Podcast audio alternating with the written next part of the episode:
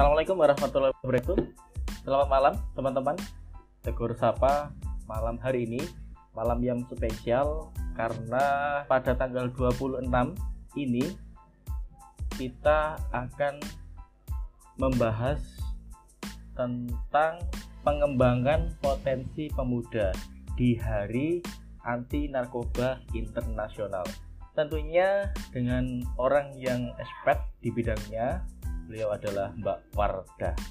Nah, uh, sambil menunggu beliau hadir, sudah ada yang hadir, Mbak Laila dari Tuban. Oke, oke, Alhamdulillah. Akhirnya yang ditunggu-tunggu sudah hadir. Assalamualaikum Mbak Wardah. Waalaikumsalam warahmatullah. Telepon Mbak, ya. sehat? Alhamdulillah sehat. J. Mas Sotif sendiri sehat. gimana nih? Alhamdulillah. Alhamdulillah sehat Banten Mbak, pangestune. Oke. Ya biasalah. Seneng sekali nih. Seneng sekali nih bisa gabung-gabung ini. Lama juga nggak ngobrol-ngobrol, ya. J, sudah lama nggak ngobrol. Memang dari kemarin itu kan saya mencari momen yang pas oh kira-kira kapan ya bisa bertemu dengan Mbak Warda lagi? Dan alhamdulillah momen ini iya. kayaknya momen yang paling pas. Di hari anti iya. narkoba kita bahas tentang uh pengembangan potensi pemuda. Yang mana Mbak Warda ini ternyata uh, beliaunya expert di bidang ini Mbak ya. Uh, pengalamannya sudah terlihat kemarin di pamflet. Wah luar biasa banget. Ya aktivitas uh, saya memang tidak jauh dari perempuan, dari anak, dari remaja begitu yang memang keseharian uh, kan jadi ibu dekat dengan anak gitu ya. Oh iya. yeah. Dan kalau nggak salah saya Mas Otip terakhir kita ya. waktu itu sempat mondok bareng ya selama seminggu. Iya. mondok bareng selama satu minggu dan itu momen yang sangat istimewa buat saya membuat apa ya hari ini sadar oh ternyata di luar sana banyak orang yang banyak anak-anak yang lebih butuh perhatian daripada kita lebih beruntung kita lebih beruntung daripada mereka mereka kan gitu. Betul. Artinya kenapa uh... kenapa tema ini muncul? Gara-gara pengalaman itu mbak yang waktu kolaborasi sama yeah. dengan itu ya saat itu uh, kita ada shelter seminggu untuk anak-anak yang butuh sekolah dan luar biasa. Hmm. Uh, selama ini mungkin kita ketemunya kalau Mas Sotip ini sebagai salah satu uh, tim kaderisasi ya yang di yang yeah. ditemui adalah remaja pelajar begitu. Hmm. Kalau saya biasanya ketemu dengan teman-teman mahasiswa yang terpelajar lah saat itu kita harus bertemu berhadapan langsung dengan anak-anak yang putus sekolah. Dan ini memang menjadi satu hal yang cukup menarik di saat ini ketika kita berbicara tentang Hari Anti Narkoba, di mana uh, problem narkoba ini sedikit banyak juga sudah merambah pada remaja-remaja kita hmm. gitu. Apalagi Pantura ya Mas ya. Banget, iya. Saya dapat informasi Pantura termasuk uh, di Lamongan sangat besar, Mbak ya. iya. Pengguna narkobanya. Dan dan hal ini memang menjadi sebuah tantangan tersendiri di saat uh, Pantura Kabupaten Lamongan ini pesantren juga cukup banyak, lembaga pendidikannya banyak, ya. tetapi uh, di sisi lain dalam tanda kutip ada hal yang menjadi PR besar. Dan saya kira uh, obrolan kita di malam hari ini ketika berbicara tentang problem yang dihadapi oleh remaja kita tentang nah ini perlu untuk menjadi sebuah kajian ke depannya bagaimana problem itu teratasi dan bagaimana mampu mengembangkan potensi dirinya ini yang ini yang terpenting Wah, ya Mas Hatip iya. ya karena yang paling penting. Kalau, betul karena yang saya betul tahu banget. bahwa Mas Hatip ini salah satu remaja kita yang luar biasa nih dengan produknya. Biasa saja saya.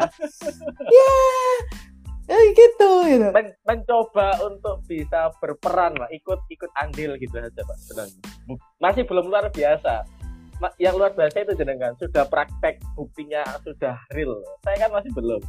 Dan salah satu salah satunya di saat uh, waktu itu kita ada rumah shelter untuk anak-anak putus sekolah, hmm. muncul nama Mas Hotep ini ya gara-gara salah satu entrepreneur muda yang punya usaha yang digeluti begitu dan ternyata juga salah satu tim kaderisasi gitu yang luar biasa bisa memandu anak-anak yang istimewa waktu itu dalam waktu tujuh hari tujuh malam gitu ya. Saya gak kuat. Alhamdulillah luar biasa. Dan dipanggil. Pak ya waktu itu ya. iya, padahal masih muda dipanggil Pak. Betul, karena karena penyelenggaranya ibu-ibu ya.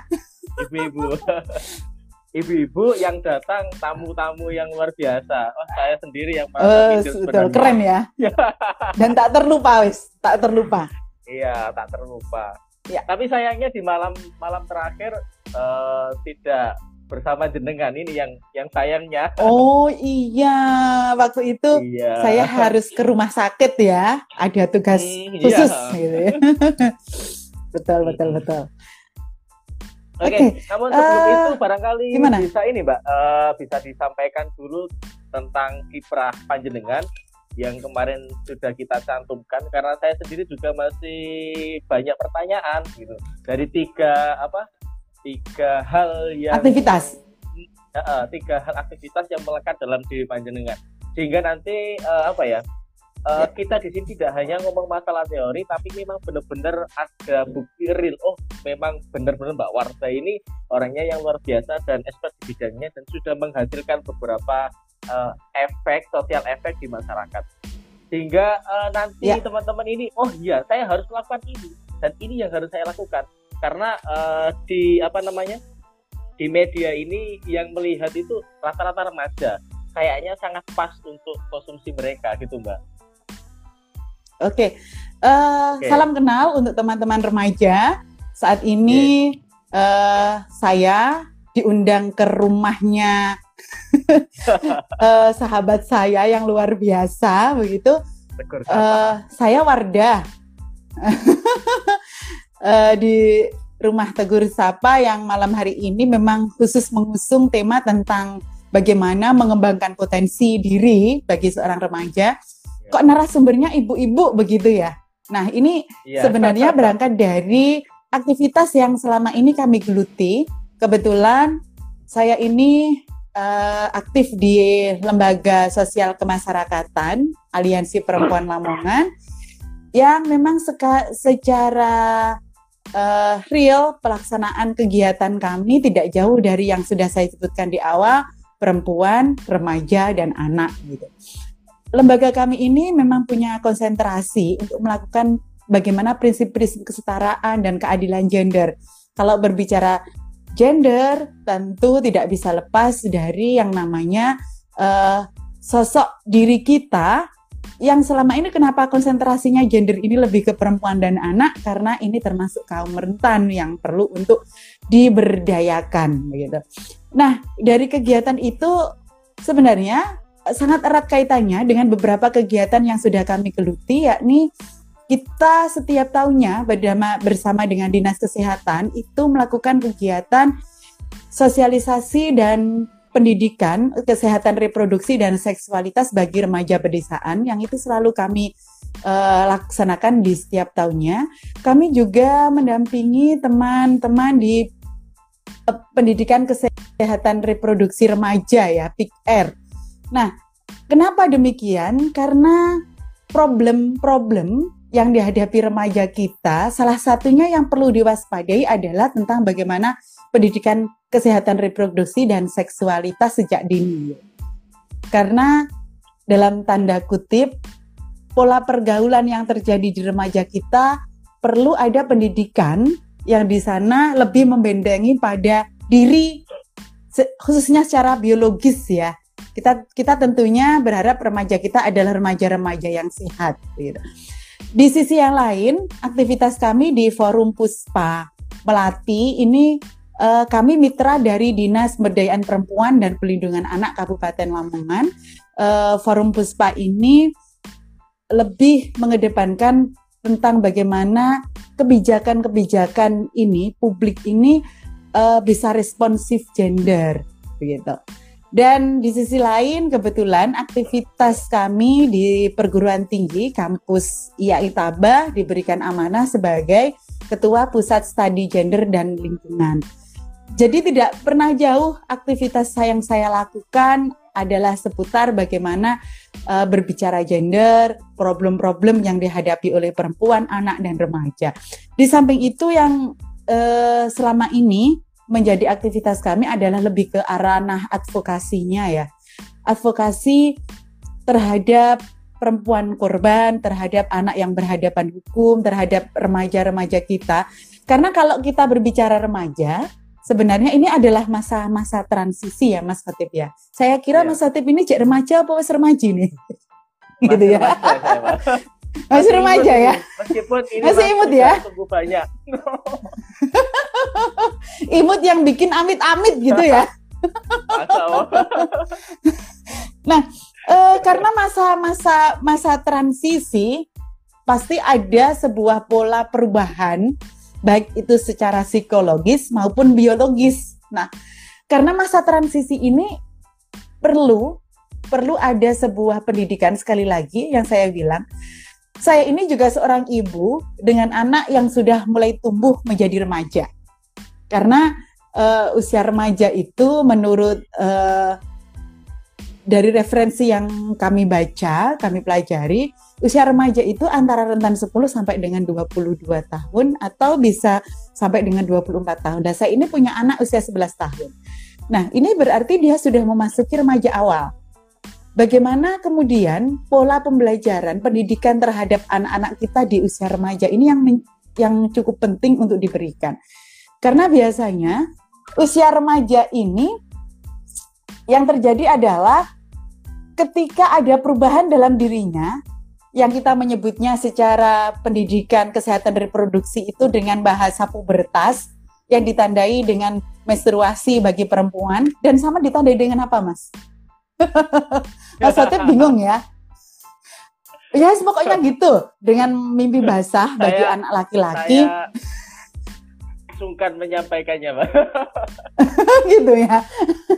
Nah, ini ini perlu ada pendampingan khususnya dari kita ya. orang tua begitu karena sekali lagi uh, fase ini menjadi fase yang cukup penting bagi anak-anak kita apalagi sekarang uh, anak-anak perempuan kita itu usia 9, 10, 11, kelas 5, kelas 6 itu sudah mengalami yang namanya menstruasi. Kalau kemudian mereka tidak diberikan pendidikan yang tepat tentang yang namanya masa pubertas, ini menjadi satu hal yang menurut saya penting dan harus diwaspadai. Karena di fase ini organ reproduksi bagi anak perempuan sudah mulai dia bisa berfungsi begitu. Dia sudah bisa berkembang. Nah, makanya ini harus dibentengi benar dengan pola pendidikan yang tepat untuk anak-anak kita. Jadi itu seputar kegiatan emak-emak, Mas. ya, itu seputar kegiatan emak-emak. Ya, ya yang menjadi banyak. aktivitas kita. Tapi ya efek COVID-19 ini, Mas, saya benar-benar menikmati menjadi emak gitu di rumah gitu ya. Dan alhamdulillah malam ini bisa gabung dengan Mas Hotip sehingga emak-emak ini bisa kembali berbicara gitu, tidak berbicara. hanya pada anak-anak di rumah gitu. ya. Kemarin uh, ada yang menarik gini, Bu. Uh, gini, Mbak, apa namanya? Ya. Uh, waktu saya buat story, wah memang aktivitas Bang, apa aktivis sejati di mana-mana uh, ngomong di depan. Berarti kan sudah mindsetnya uh, orang-orang ini sangat luar biasa jenengan sudah dijuluki menjadi aktivitas jati sampai di rumah saja bisa dimanfaatkan dengan baik untuk berkontribusi. Kemarin ada yang bilang seperti ya. itu. Dan banyak yang ya, komen ya, karena uh, memang tentang panjenengan. Iya mas. bagus. Uh, itu berlatar belakang dari memang tidak luput ya. Uh, kita konteksnya hidup ini kan ada dalam fase pendidikan kita ini kan ada lingkungan rumah, ada lingkungan sekolah, lingkungan lingkungan masyarakat gitu ya. Kalau berbicara aktivis sejati sebenarnya berlatar belakang dari keluarga, Mas. Ya, pokoknya di keluarga itu yang penting bisa bermanfaat, beraktivitas yang berguna di masyarakat, semuanya saling mendukung gitu. Dan seperti malam ini, seperti malam ini, ya tadi saya sempatkan ngobrol dengan Mas Hotip nih tadi pagi gitu. Mbak coba kita simulasikan uh. gitu live. Eh Mas ini masih jadi mak-mak masih menyusui gitu. Nah saat ini saya juga punya baby mas dua bulan setengah gitu. yang hari ini, yang malam ini iya. juga sudah dikondisikan supaya dia diem, menikmati asi yang sudah diperah dan lain-lain gitu. Jadi itu aktivitasnya mak-mak saat ini. Ya. dan keren-keren. Uh, aktivitas saya sebenarnya selain itu juga aktif di organisasi uh, keagamaan kemasyarakatan nggih bersama dengan sahabat-sahabat saya di Fatayat, di PKK begitu ya. Yes, pokoknya mulai dari tingkat desa sampai daerah yang kemudian uh, ketika tetap bisa diikuti ya itu yang dijalankan. Meskipun Mas Hatip uh, sendiri juga luar biasa loh. Meskipun punya tanggung jawab Gimana, Mbak? Ya. Uh, meskipun dengan punya tanggung jawab sebagai seorang ibu, tapi gerakan-gerakan sosial, kegiatan-kegiatan sosial sangat luar biasa padat ya. Masya Allah banget. Nah, saya beruntung banget bisa berkolaborasi dengan panjenengan malam hari. Mudah-mudahan pertemuan ini berkah, ya.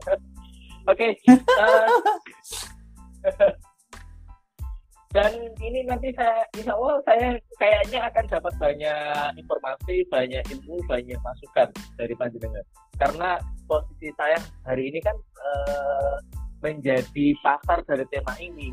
Saya juga masih remaja. Saya juga kadang Betul. mengalami kebingungan bingung oh, ya. bagaimana cara saya ini bisa mengembangkan diri dengan dengan hal-hal yang positif sehingga tidak melakukan hal-hal yang negatif itu selalu terlintas dalam diri. Kadang uh, seorang uh, remaja itu kan masa di mana mereka sangat mempunyai hormon sesuatu.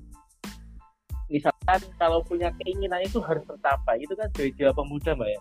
Nah, betul. Kadang kadang kan kita salah jalur, kita salah arah. Itu kan uh, menjadi ketika salah sudah tahu salah arah otomatis bisa kadang itu bisa menjadi depresi dari dari seseorang. Ya, dari remaja itu dari kita saya misalkan. Nah untuk mengatasi hal-hal itu nah ini kira-kira bagaimana mbak? Mulai dari problem kira-kira problem problem konkret yang akan dihadapi remaja. Hal yang sederhana kira-kira itu apa saja gitu Ya, uh, sekali lagi ya Mas Hatib ya, kalau kita berbicara remaja masa masa transisi memang galau-galaunya itu ada di situ gitu ya. Ah, betul. remaja Apalagi kita itu. Nyinggung masalah uh, asmara. Waduh, masalah kalau sudah kena penyakit uh, CINTA, aduh, gitu ya. nah, nah, contoh, makanya contoh, di sini memang itu sudah tema kemarin ya. Uh, tema enggak maksudnya tema remaja itu kan kita bahas tentang bukan tentang ini apa namanya tentang keluh kesah belajar di rumah tapi membahas ya. tentang bencana. Nah, ada bencana non alam. Bencana non alam di antaranya adalah ketika kondisi psikis kita, ketika kondisi perasaan kita bermasalah, itu namanya bencana. Dan bencana itu kan harus diatasi. Nah, bencana itu kan bisa um, mengena pada siapa pun, terutama remaja, yang mana hormonnya itu sekarang kuat-kuatnya untuk me, uh, untuk melakukan sesuatu, untuk mendapatkan sesuatu. Nah, untuk mengatasi itu bagaimana? Menta menanggulangi bencana non alam itu, akan remaja. Uh, saya kira kita dalam hidup itu harus punya sebuah tujuan ya. Memang fase seorang remaja ini uh, di mana harus mampu mengenali dirinya. Fase perubahan itu di saat dia sebagai seorang anak yang tentunya semua hal yang menjadi kebutuhan dia sangat tercukupi oleh orang tuanya. Di saat dia fase menjadi remaja, paling tidak hal kecil sudah harus bisa menjadi sebuah tanggung jawab pada dirinya. Nah, tentunya eh, ketika fase dinina bubukkan oleh orang tua dengan segala fasilitas yang masih tercukupi, kemudian dia dia diberikan sebuah tanggung jawab. Karena dalam ilmu parenting itu, Mas, eh, ya. kalau saya kita ada sebuah bola, kemudian saya akan mengiris bola itu menjadi tiga bagian.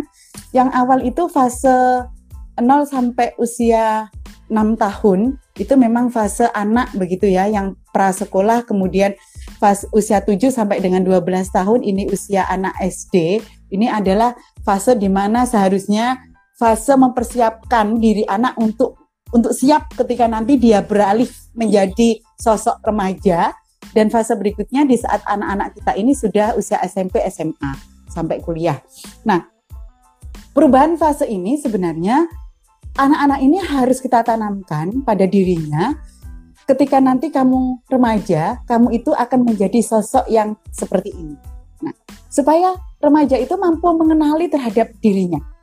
Kegalauan yang terjadi yang selama ini dihadapi dan dialami oleh remaja itu karena memang kadangkala aku ini sebenarnya gimana ya? Aku ini serumah-rumah dewasa, tapi sama orang tua masih dianggap anak kecil, misalnya. Iya. Saya ini sebenarnya sudah berani loh untuk meng mengambil sebuah sikap yang terbaik untuk diri saya, tapi orang tua masih menganggap saya anak kecil. Nah, ini fase di mana uh, kegalauan itu pasti akan terjadi. Gitu. Nah, sehingga di sini peran orang tua juga cukup penting. Di saat anak-anak kita sudah mulai menuju dewasa remaja ini ajaklah anak-anak untuk berdiskusi. Berikan ruang untuk anak-anak menyampaikan apa yang diinginkan.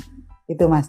Nah problemnya adalah di saat remaja kita ini yang sering menemukan kegalauan-kegalauan pada dirinya hmm. ya ini tentunya memang harus punya teman yang bisa dijadikan tempat untuk meluapkan. Gitu. Makanya saya itu sering ketika ketemu dengan eh, ibu-ibu uh, begitu, mohon ayo jadikan diri kita ini sebagai teman untuk anak-anak kita. Karena jangan sampai nanti anak-anak kita salah pergaulan, apalagi di usia-usia mereka yang sudah menginjak uh, remaja Nah, ini fase ini cukup penting bagi diri kita menjadi teman, menjadi sahabat bagi anak-anak kita. Otoritas kita sebagai orang tua terhadap anak-anak saya kira juga penting untuk untuk lebih difleksibelkan gitu ya. Karena pendisiplinan boleh, tetapi pendisiplinan terhadap diri remaja ini juga tentunya harus lebih fleksibel daripada anak-anak usia di setingkat kelas SD MI misalnya. Di satu sisi, Mas, remaja-remaja kita ini juga harus berpikir positif ya. Harus harus mampu berpikir yang positif, punya teman-teman yang baik begitu. Karena ternyata lingkungan juga cukup menjadi uh, penoreh sejarah tentang bagaimana anak ini berkembang potensi. Apakah perkembangannya ini menuju ke arah positif atau ke arah negatif? Lingkungan ini cukup punya andil dan peran yang besar begitu terhadap perkembangan diri remaja. Dan saya kira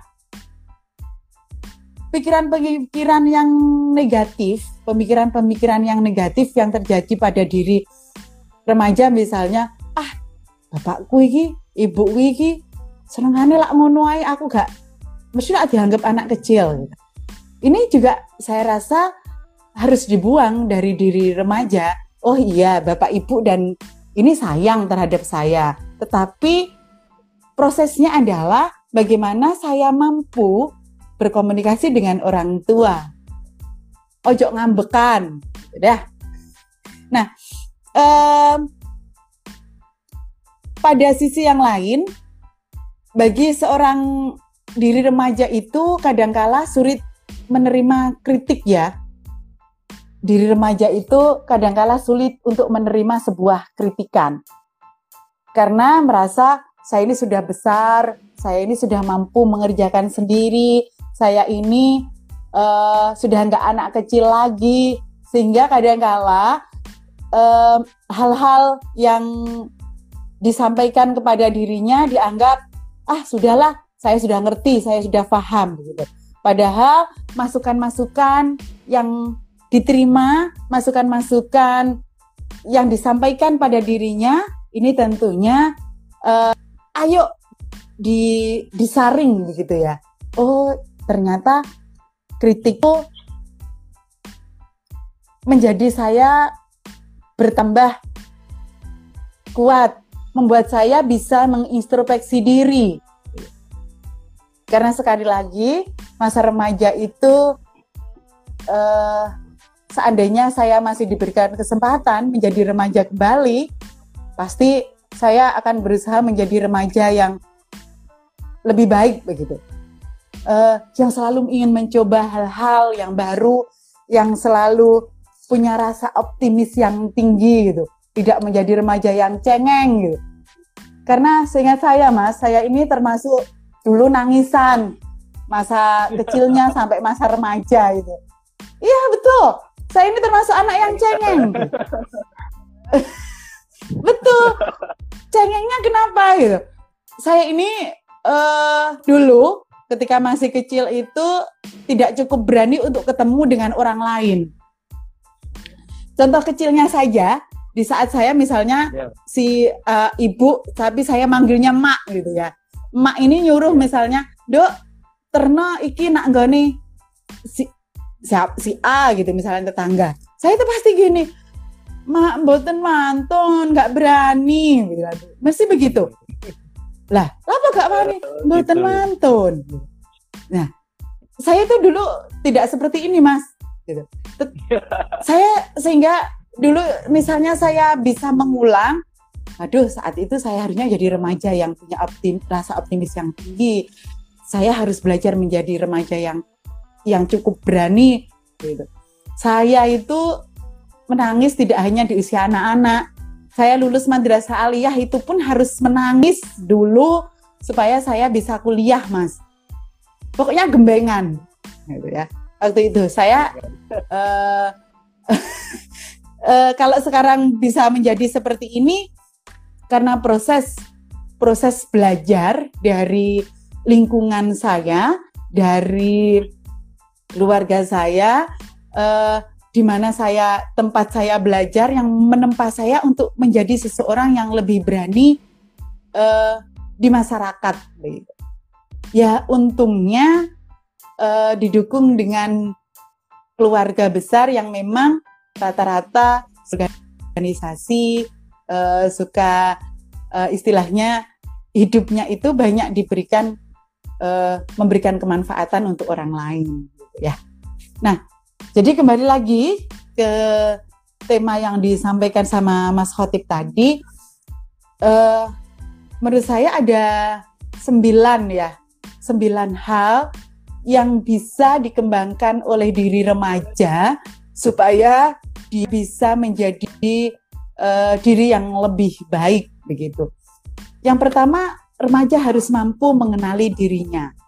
Jadi jangan serba heboh, misalnya begini, aduh temanku itu loh pinter begini temanku bisa begini tapi hanya meratapi diri tanpa mau oh sebenarnya oke okay lah temanku punya bakat punya potensi di bidang A tapi aku punya potensi di bidang B maksudnya begitu harus mampu mengenali diri sendiri yang kedua dalam hidup itu supaya kita mampu menjadi uh, pribadi yang lebih baik berkembang potensinya harus ada sebuah tujuan. Nah, tujuan ini lebih tepatnya harus ada sebuah cita-cita yang ingin kita raih. Besok itu saya mau jadi apa gitu. Mumpung masih remaja, jadi proses ini masih berjalan.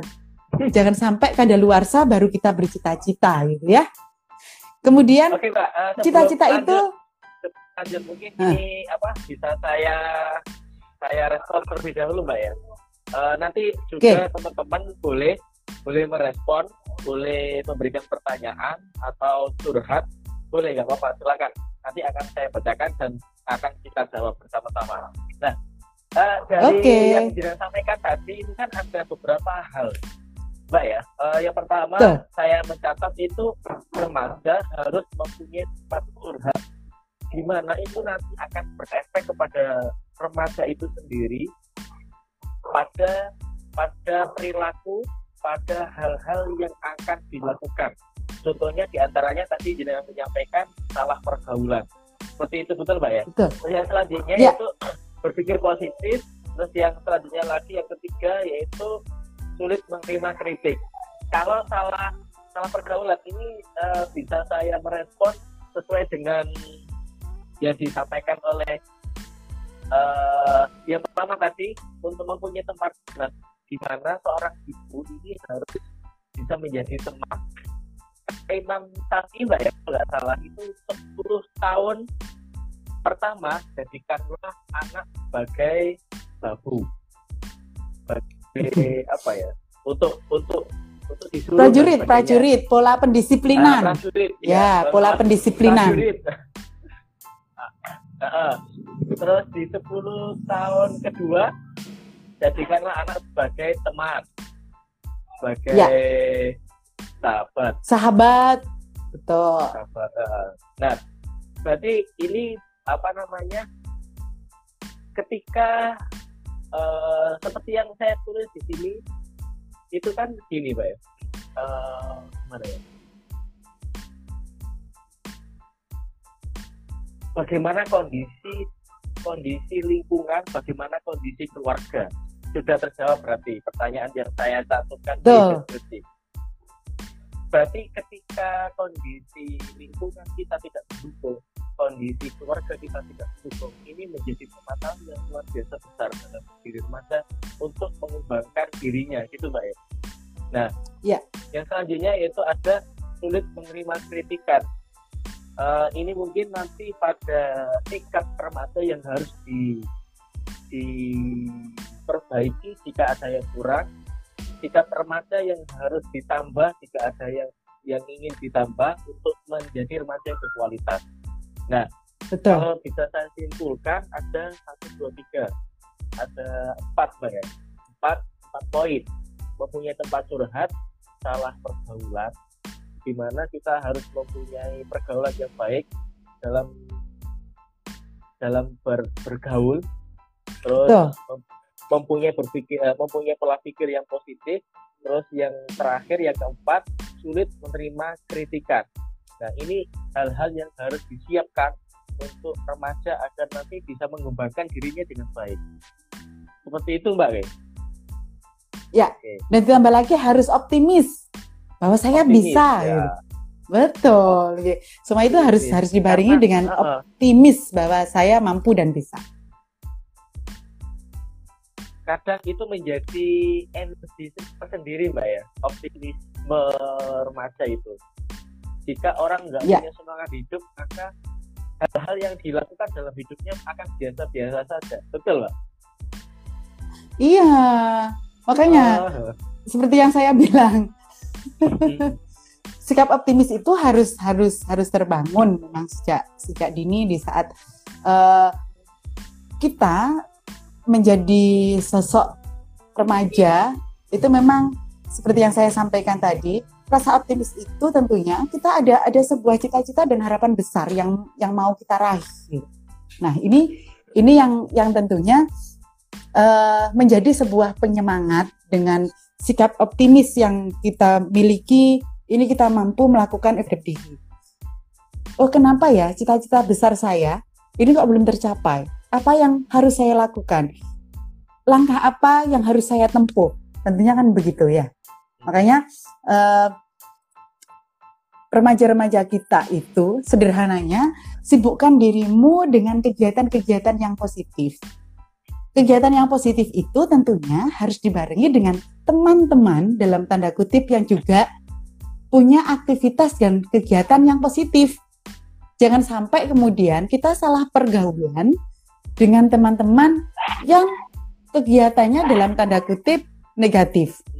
Contoh sederhananya, di saat kita hari ini memperingati Hari Anti Narkoba, tentunya problem besar kita saat ini berapa banyak remaja-remaja kita yang sudah mengkonsumsi dan kecanduan narkoba.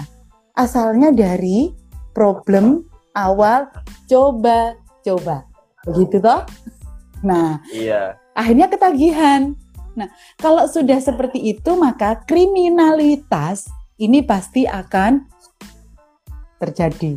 Dan sekali lagi berangkatnya dari pola pergaulan yang tidak baik atau dalam tanda kutip tidak positif. Makanya cari teman yang juga punya aktivitas positif. Kalau dalam syairnya kita ini mbak, uh, saya kok teringat ya taklim taklim. Syairnya seperti ini ya. bahasa Indonesia itu ya. Uh, teman yang buruk itu lebih parah dibandingkan dengan ular yang berbisa. Nah, itu kan kalau ular berbisa kan bisa membunuh.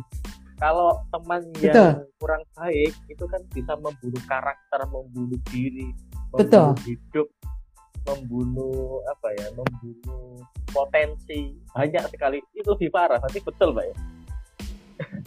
Iya. Saya kok teringat Jadi, dulu waktu ngaji di pondok. Ya, makanya uh, salah satu aktivitas dan kegiatan kegiatan kami di Apple itu salah satunya ada pendidikan teman atau pendidikan sebaya ya. Karena sekali lagi keampuhan pendidikan sebaya ini menjadi cukup ampuh ya untuk kemudian remaja ini merasa bahwa ya itu tadi karena kadangkala berangkat dari sebuah problem di mana remaja ini memang masa pencarian jati diri di saat sesama remaja ini kemudian saling memberikan informasi pengalaman dengan pendidikan sebaya saya kira ini akan lebih mengena gitu ya.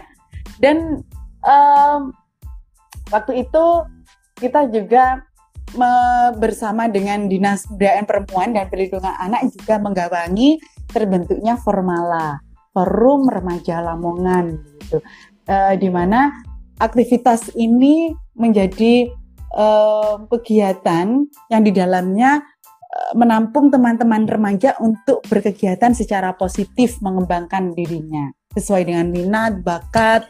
Nah, ini tentunya kita juga harus banyak berterima kasih ya dengan teman-teman remaja-remaja kita yang punya aktivitas aktivitas yang positif baik lewat organisasi kepemudaan, organisasi kemasyarakatan gitu. Nah, kalau kita sudah ketemu dengan remaja-remaja kita yang punya aktivitas yang positif, yang mereka bisa berkarya, itu tentunya sebuah kebanggaan tersendiri ya bagi bagi kita gitu. Tapi kalau sudah ketemu remaja-remaja kita yang dalam kegiatannya aduh ya Allah minta ampun begitu ya. Seperti anak-anak yang dulu kita temui waktu di shelter itu akhirnya saya sebagai seorang ibu juga pertama-tama mesti ngelus jodoh gitu.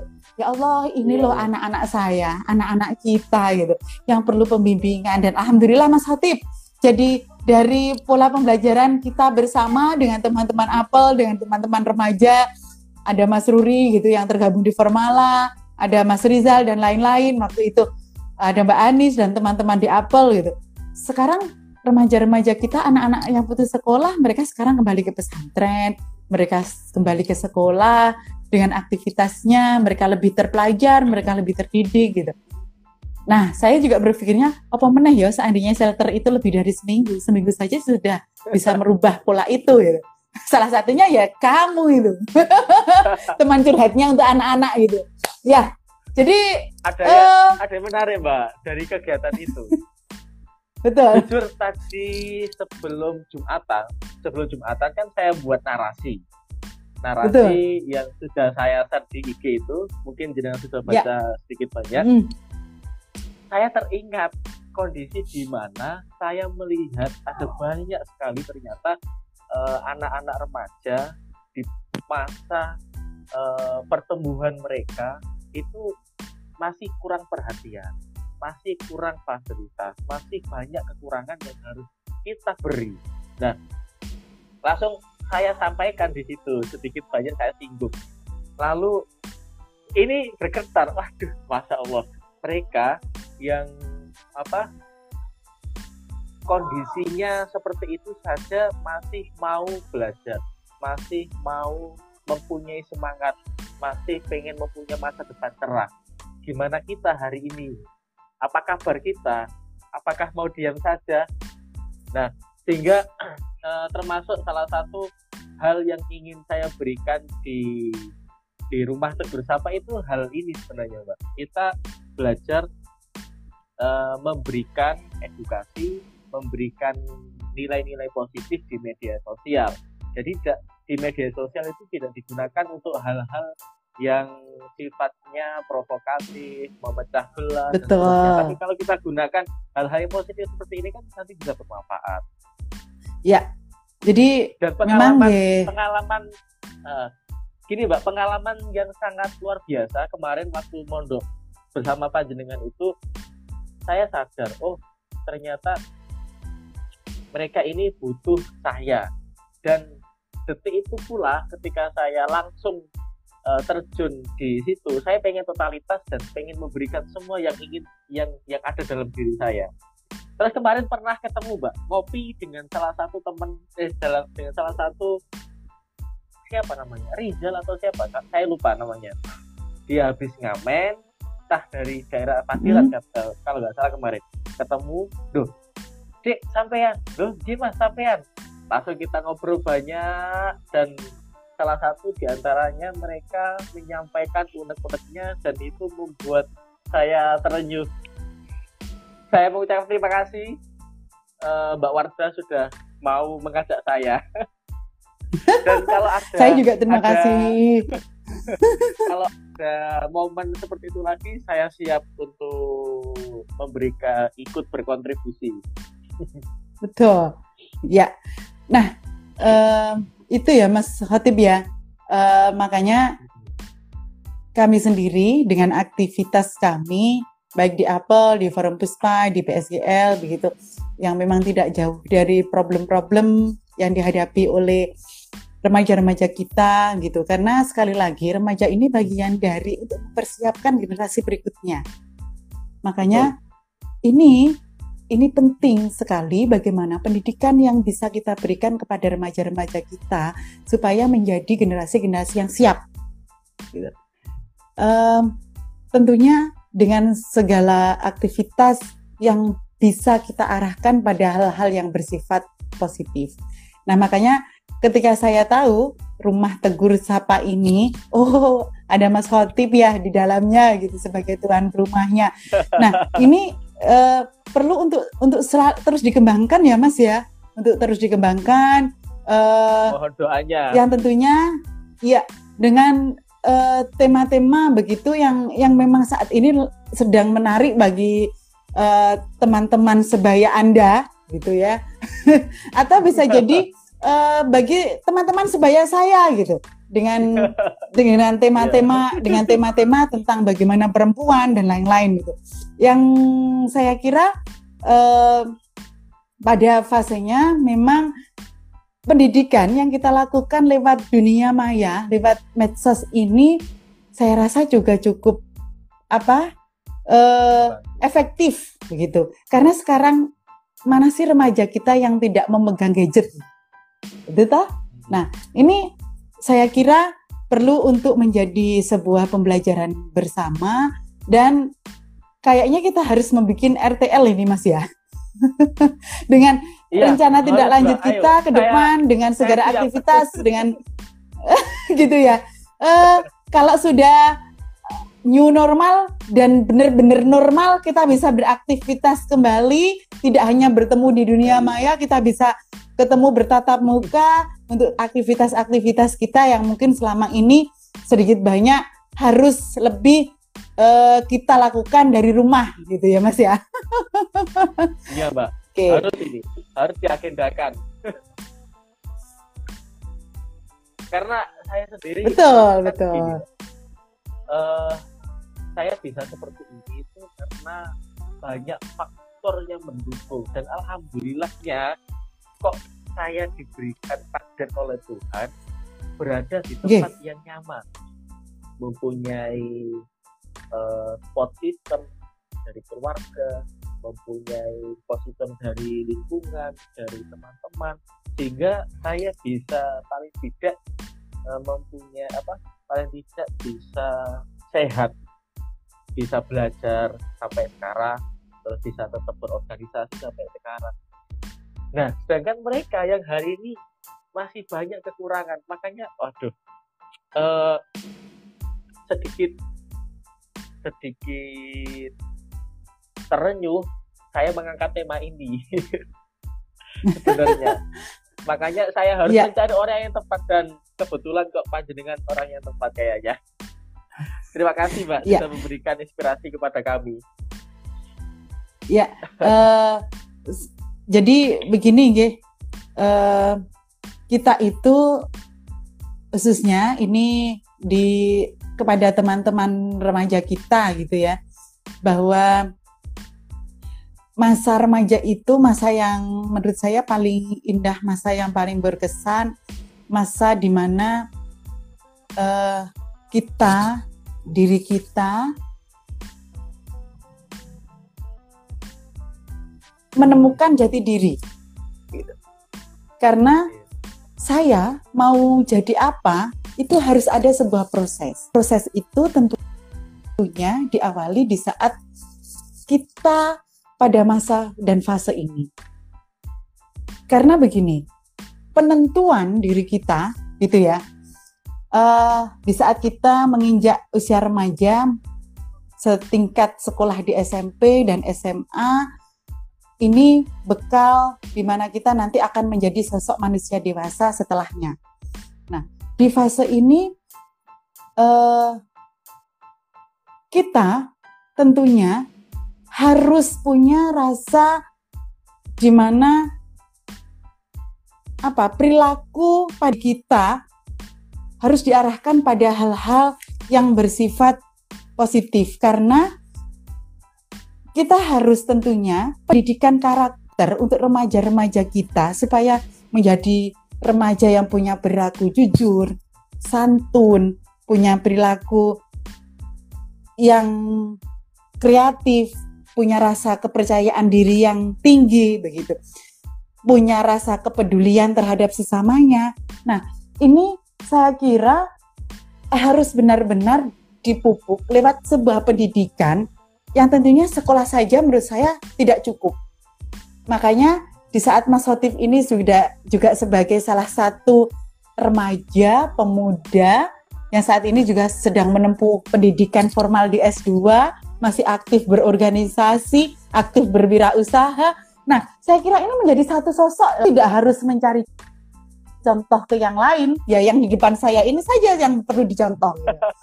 Karena bagi saya eh, ketika remaja mampu mengembangkan apa yang ada pada dirinya, karena saya sempat berpikir begini, Mas Otip ini sebenarnya wilayah domisilinya adalah di Lamongan Tengah yang juga tidak pantura-pantura banget begitu ya. Tetapi kok kemudian bisa yeah. mengembangkan uh, produk dari olahan ikan gitu. Kalau ini apa kreativitas tinggi, tidak punya rasa kreativitas tinggi, nggak mungkin muncul ide dan gagasan itu. Nah, Waduh. makanya uh, di samping itu tentunya punya teman-teman yang juga punya aktivitas yang positif. Makanya uh, sekali lagi, ayo teman-teman remaja harus punya filter siapa yang harus menjadi teman saya. Dalam arti saya tidak membatasi ya, kita bergaul dengan siapa saja kalau kita bergaul dengan orang-orang yang positif, kita akan menjadi lebih baik. Tetapi kalau kita ketemu dengan teman-teman yang dalam tanda kutip seperti yang tadi sudah kita perbincangkan di awal, kita harus mampu menjadi sosok yang menjadi teman baik bagi mereka sehingga bisa merubah. Nah, Mas Hotip ini termasuk salah satu ini toh teman juga bagi adik-adik kita dulu yang di shelter gitu sekarang ya. mesti perubahannya juga sudah sangat luar biasa di saat awal baru ketemu dan di saat sekarang ketemu kembali dalam bentuk uh, yang tidak sengaja dalam aktivitas yang juga tidak diduga, oh ternyata ketemu dan sekarang anak ini sudah menjadi begini. Itu satu hal yang luar biasa dan membanggakan. Makanya uh, pengaruh positif itu tentunya dari yang ditanyakan Mas Hatip di uh, hal yang sudah ditulis tadi, bagaimana sih uh, kondisi lingkungan berpengaruh terhadap perkembangan remaja kita gitu? Ya itu, gitu. lingkungan, keluarga, bagaimana pendidikan yang tepat, gitu. Karena sekali lagi kepedulian kita terhadap eh, anak-anak uh, kita itu memang harus dimulai dari lingkungan keluarga. Karena sekali lagi saya kira munculnya sosok anak yang luar biasa karena ada pola pendidikan yang luar biasa juga di rumah. Pendidikan yang luar biasa itu kadangkala diawali dengan hal-hal yang sederhana, yang sederhana sekali. Contoh sederhananya, misalnya kita mengajarkan bagaimana pendidikan terhadap anak-anak kita untuk cinta kebersihan. Nah, bagaimana anak-anak ini punya kepedulian terhadap orang di sekitarnya. Di saat ada orang lain yang butuh pertolongan, dia ras, punya punya rasa kepedulian. Hal-hal yang sederhana itu sehingga kemudian bisa memunculkan karakter yang nantinya akan menjadi pijakan bagi anak-anak kita ketika sudah dia terjun ke masyarakat. Makanya yang tidak kalah pentingnya gitu Mas saya itu kenapa kemudian masih selalu mendesak ke Dinas Kesehatan itu adanya pendidikan kespro bagi remaja pedesaan khususnya karena ternyata eh, problem yang terjadi di remaja-remaja kita bagaimana sih kasus-kasus yang dialami oleh remaja kita berapa banyak kasus KTD yang terjadi di remaja kita gitu kehamilan tidak diinginkan karena pola pendidikan bagi mereka yang kurang tepat. Karena keberadaan gadget yang dimanfaatkan dengan tidak baik, maka hasilnya juga tidak baik. Begitu. Makanya kami selalu uh, berupaya kemitraan yang kami bangun dengan dinas kesehatan misalnya mohon kegiatan ini selalu diadakan kemudian kita berputar di 27 kecamatan secara bergantian. Kegiatan yang lain yang biasanya juga kami lakukan dengan dinas uh, dengan Dinas Pemberdayaan Perempuan dan Perlindungan Anak Kabupaten Lamongan juga bagaimana mempersiapkan generasi-generasi kita dari uh, fase yang paling mendasar yakni di saat anak-anak serta mempersiapkan kaum perempuan ibu-ibu ini menjadi tenaga-tenaga pendidik di saat menjadi al-um al-madrasah al-ula begitu. Nah, ini ini adalah uh, di mana kaum ibu harus mempersiapkan dirinya mencetak generasi-generasi yang tentunya luar biasa. Dalam tanda kutip, nah, menarik, bukan Mbak. berarti mengesampingkan peran ayah ya. ya. Oke. Jangan, jangan gimana? Menariknya di mana ini, Mas? Saya, Menariknya di mana nih kira-kira? kalau bahas keluarga ini saya belum praktek, jadi hanya teori saja. belum bisa menyampaikan betul, betul, secara betul. totalitas. Soalnya belum praktek, Mbak ya. Nah, ini ada ya. pertanyaan. Ya. Tadi kan um, kita juga tidak hanya fokus pada remaja, tapi namun kita menyiapkan uh, orang tua untuk sebagai fasilitator, Betul. untuk sebagai pendidik remajanya, biar uh, biar Betul. nanti ketika menyiapkan remaja ini bisa berjalan sesuai dengan apa yang kita harapkan sesuai dengan pertanyaan yang disampaikan oleh Mas Datun Zahid. Nah, ini banyak orang tua yang tidak pede dengan keadaannya. Jadi menghalangi anak untuk berkembang. Lalu bagaimana mengatasi hal tersebut? Nah, ini pertanyaan ya. sesuai dengan tadi yang dengan sampaikan. Betul. Kadangkala memang latar belakang pendidikan orang tua itu menjadi uh, satu hal yang perlu untuk perhatian ya. Tapi sebenarnya tidak tidaklah demikian karena saya ini juga berangkat dari keluarga yang memang bapak saya itu setingkat SD saja mboten lulus. Tapi punya rasa optimis yang tinggi bahwa eh, anak-anak uh, saya tidak harus seperti saya. Nah, eh, makanya dan ternyata pemikiran itu muncul adalah di saat orang tua ini eh, banyak melakukan aktivitas eh, ikut kegiatan majelis taklim misalnya, ikut kegiatan di rukun tetangga, di kegiatan, nah ini ini sebenarnya menjadi pendidikan tersendiri bagi orang tua. Makanya kalau kita jadi orang tua itu jangan hanya diam diri di rumah nih, Bapak Ibu nih. Pendidikan kita tidaklah berhenti di saat misalnya kita lulus di bangku sekolah. Tetapi pendidikan itu bisa kita dapatkan dari mana saja. Makanya dengan kita lahir, saya yakin juga Mas Khotib ini lahir dari keluarga yang organisatoris juga, yang ayah ibunya mungkin juga aktif berorganisasi, sehingga pengembangan pola pemikiran terhadap pendidikan anak-anaknya ini masih terus berkembang. Nah, sekali lagi saya ini uh, juga dari keluarga yang bapak-bapak tidak lulus SD, mak niku hanya lulusan SMP kemudian ikut kegiatan kejar paket C sehingga setingkat madrasah aliyah. Tetapi orang tua saya ini senang sekali ketika anak-anaknya ini sekolah. Seneng gitu. Ya walaupun kami dari keluarga petani misal yang yang kita tahu juga uh, secara ekonomi kami juga golongan menengah ke bawah misalnya tetapi bapak saya ini termasuk orang yang suka ketika melihat anak-anaknya berkembang nah ketidakpedian orang tua sehingga kadang-kala menghalangi anak ini memang perlu untuk digesek oleh anaknya.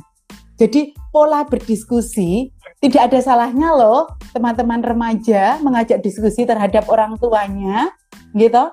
Tidak ada salahnya bahwa kita sebagai anak berdiskusi dengan orang tua membuka wawasan berpikir untuk orang tua dalam arti dengan metode dan cara yang tidak menyinggung terhadap beliau jadi bukan kita menggurui terhadap orang tua tetapi bagaimana kita sampaikan pengalaman-pengalaman kita ketika berorganisasi. Karena begini, pendidikan yang kita dapatkan di sekolah, di bangku kuliah, misalnya untuk teman-teman remaja, berapa persen ya pendidikan itu? Nah, selebihnya kita harus bisa mencari sendiri. Pengalaman di luar itu ternyata menjadi guru yang terbaik dalam menempa kehidupan kita pengalaman-pengalaman itu yang kemudian ayo kita sampaikan kepada orang tua. Kita berdiskusi dengan orang tua supaya orang tua juga tahu, oh ternyata ngono toh.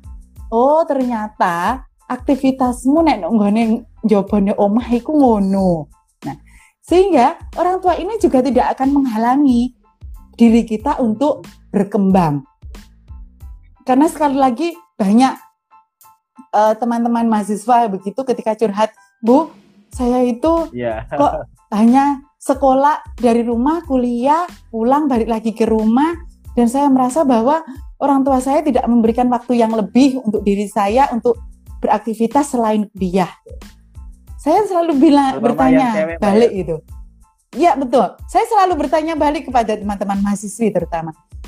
Uh, Pernahkah teman-teman melakukan laporan pertanggungjawaban terhadap apa yang dilakukan di luar rumah?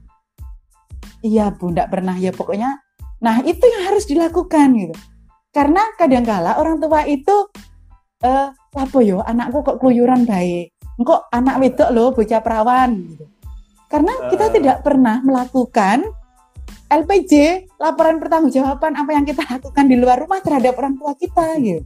Kalau saya dulu pasti betul. selalu melakukan LPG itu gitu. sehingga orang tua oh jadi ngono yo anak gunung gonde apalagi sekarang loh teknologi sudah canggih sesekali kita hmm. tunjukkan dong aktivitas kita di luar rumah saya itu begini loh pak bu di video misalnya itu satu kebanggaan tersendiri sehingga orang tua tidak akan lagi menghalangi potensi diri kita untuk berkembang. Karena